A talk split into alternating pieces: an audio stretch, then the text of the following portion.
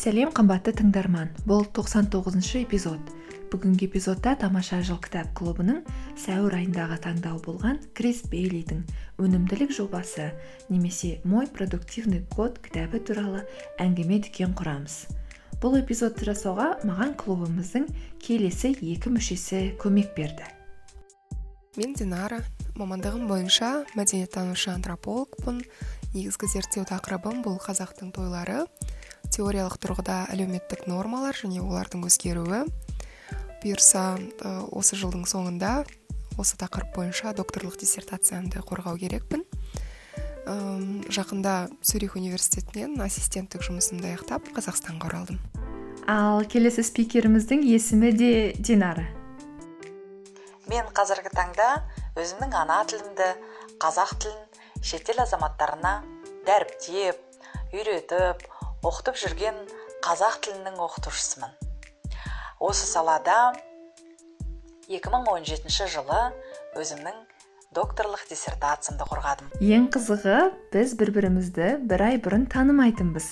Ал енді тамаша жыл кітап клубының аясында сәуір айындағы таңдауымыз болған кітап туралы әңгімелесудің реті келіп тұр.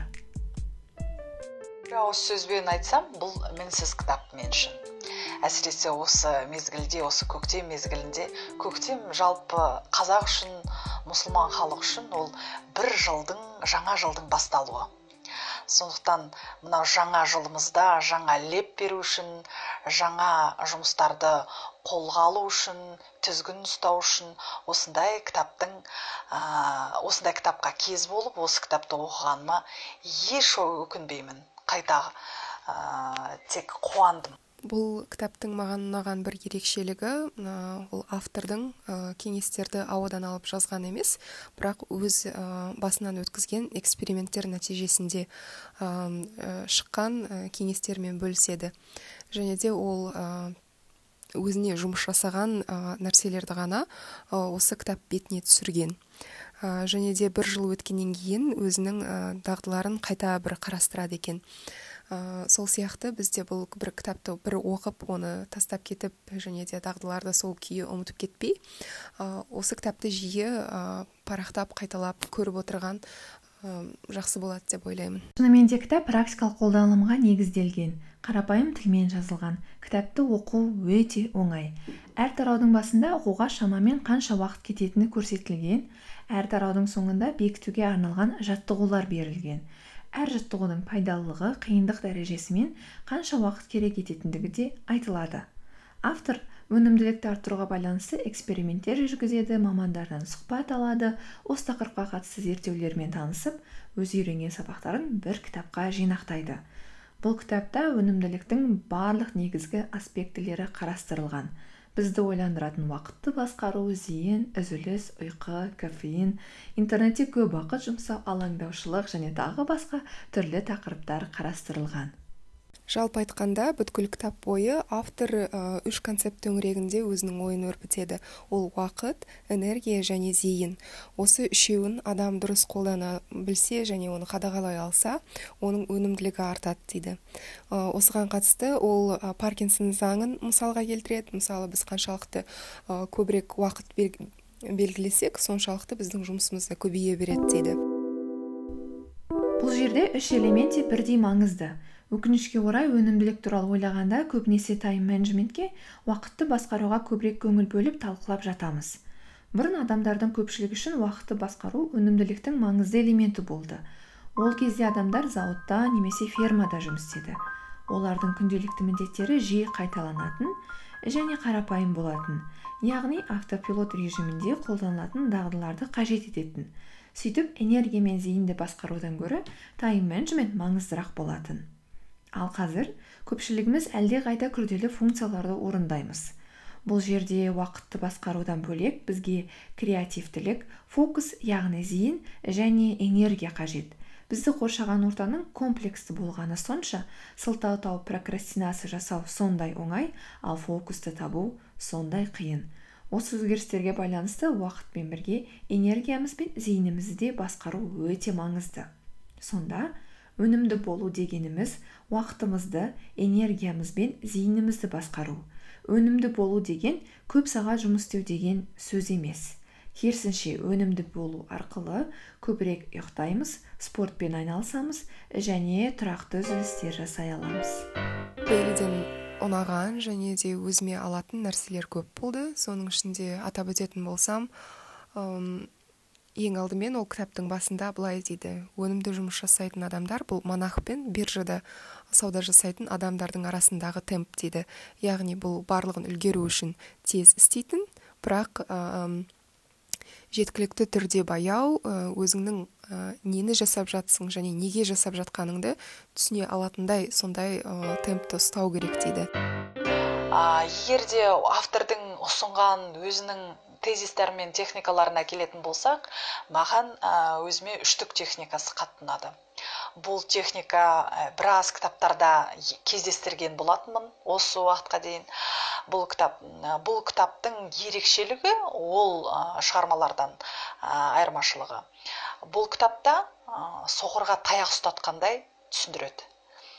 Оның айтуынша мысалы сіз бір айға нақты маңызды салмағы бар үш жоспарды қоясыз.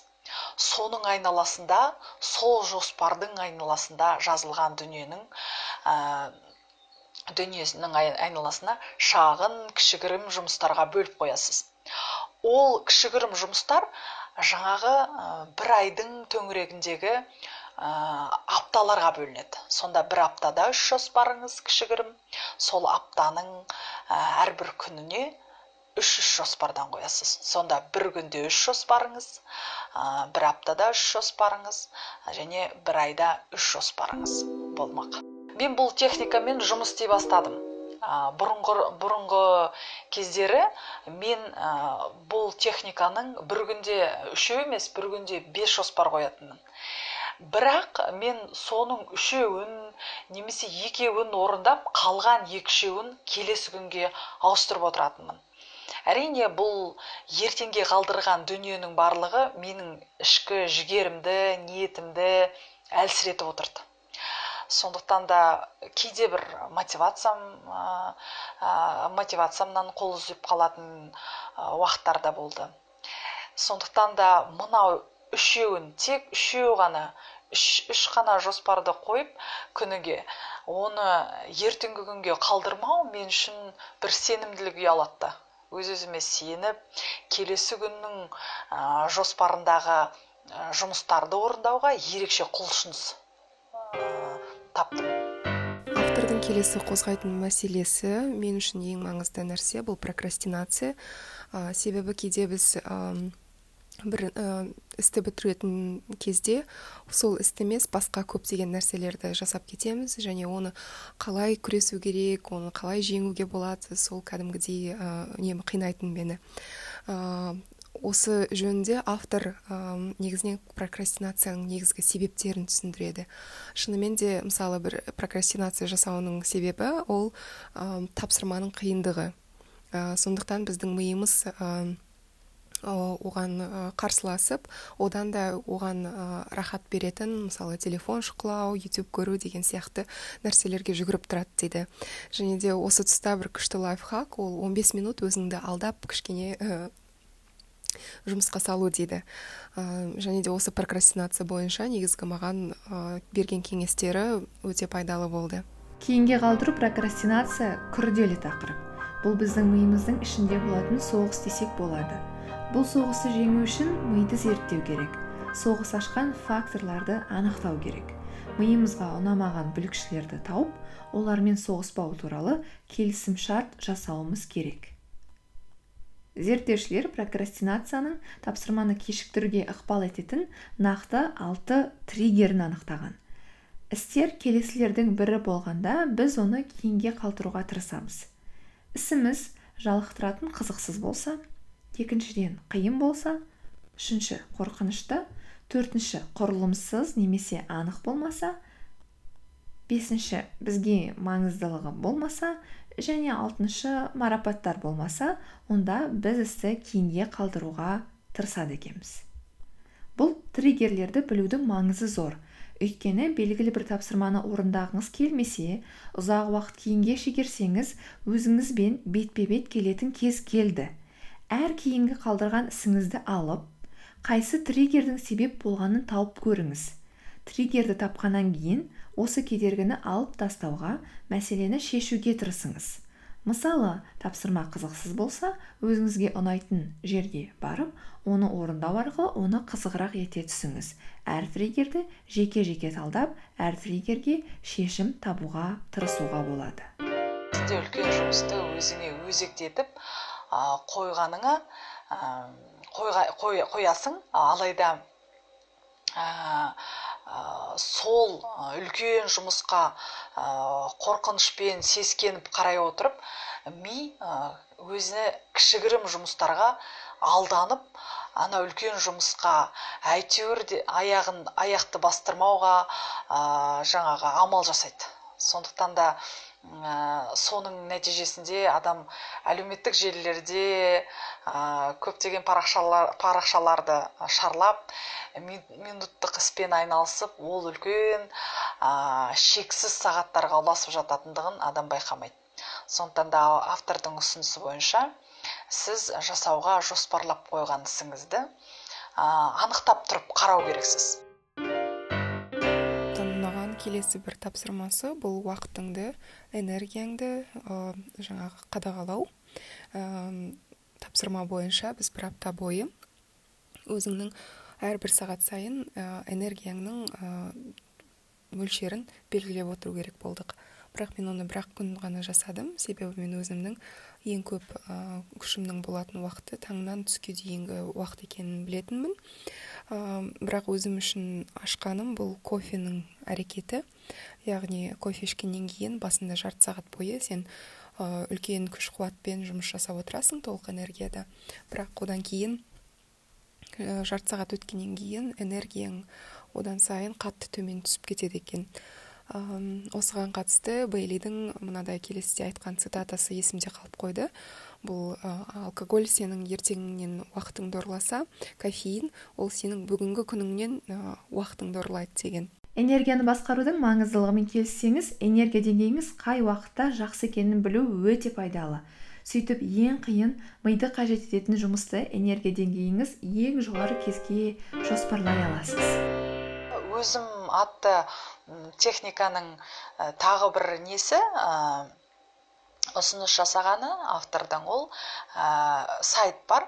Сол сайт арқылы сіз болашақтағы өзіңізге хат жазасыз. Бұл менің сүйікті бөлімім. Болашақтағы өзіңізден тым көп үміт күтесіз бе? Немесе кейінірек істермін деп өзіңіздің арманыңыздағы жобаны кейінге қалдыра бересіз бе? Болашақтағы біз тамаша супер қаһармандар болып көрінеміз. Мұның ғылыми да себептері бар екен. Зерттеулердің қорытындысы бойынша біз болашақтағы өзімізді бейтаныс адам ретінде көреді екенбіз. Әдетте бейтаныс адамдардың проблемаларын стрессін басынан не өтіп жатқанын сезіне алмаймыз білмейміз де. Дәл солай болашақтағы өзіміздің де сезімдерімізге көңілімізге бейжай қарауымыз мүмкін екен. Арай машиналары арқылы миды зерттегенде 10 жылдан кейінгі өзің және бейтаныс адамдар туралы айтқанда бірдей процестің жүретіні анықталған. Кітап авторы крис эйджинг буз қосымшасы арқылы өзінің қартайғандағы суретін жасайды. Осы болашақтағы суретіне қарай отырып өзіне жүктелген жұмыс пен қосымша міндеттемелерді болашақтағы өзіне тапсырғысы келмейтіндігін айтады. Дәл солай future me сайты арқылы болашақтағы өзіне хат жазады. Сөйтіп болашақтағы сен қазіргі саған ештеңе қарыз емес екендігін ештеңе істеуге міндетті емес екендігін түсіндіреді. Арманымыздағы жобаларды істейтін ол қазіргі біз басқа ешкім емес.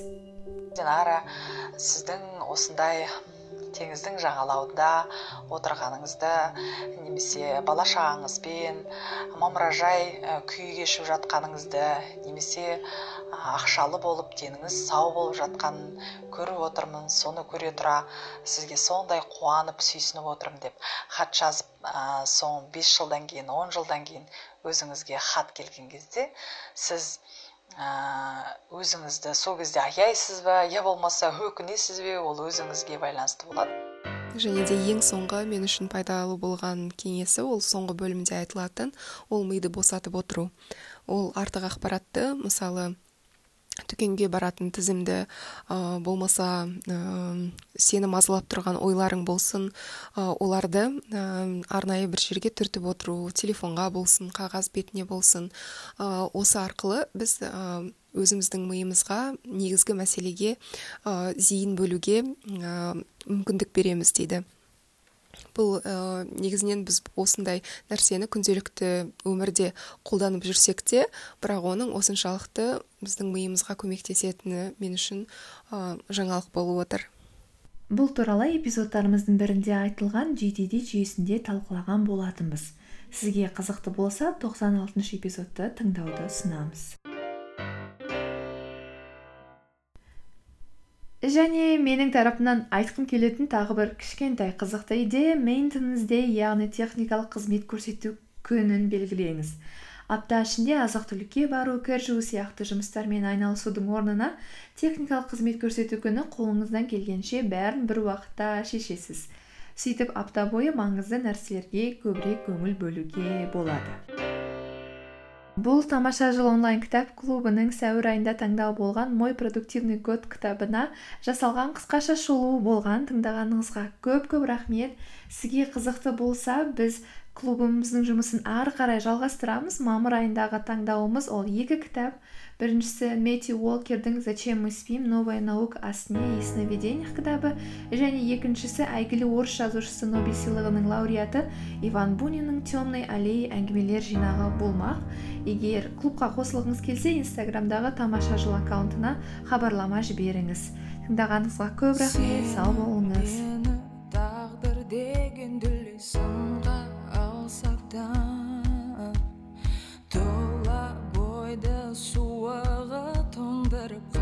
calçada.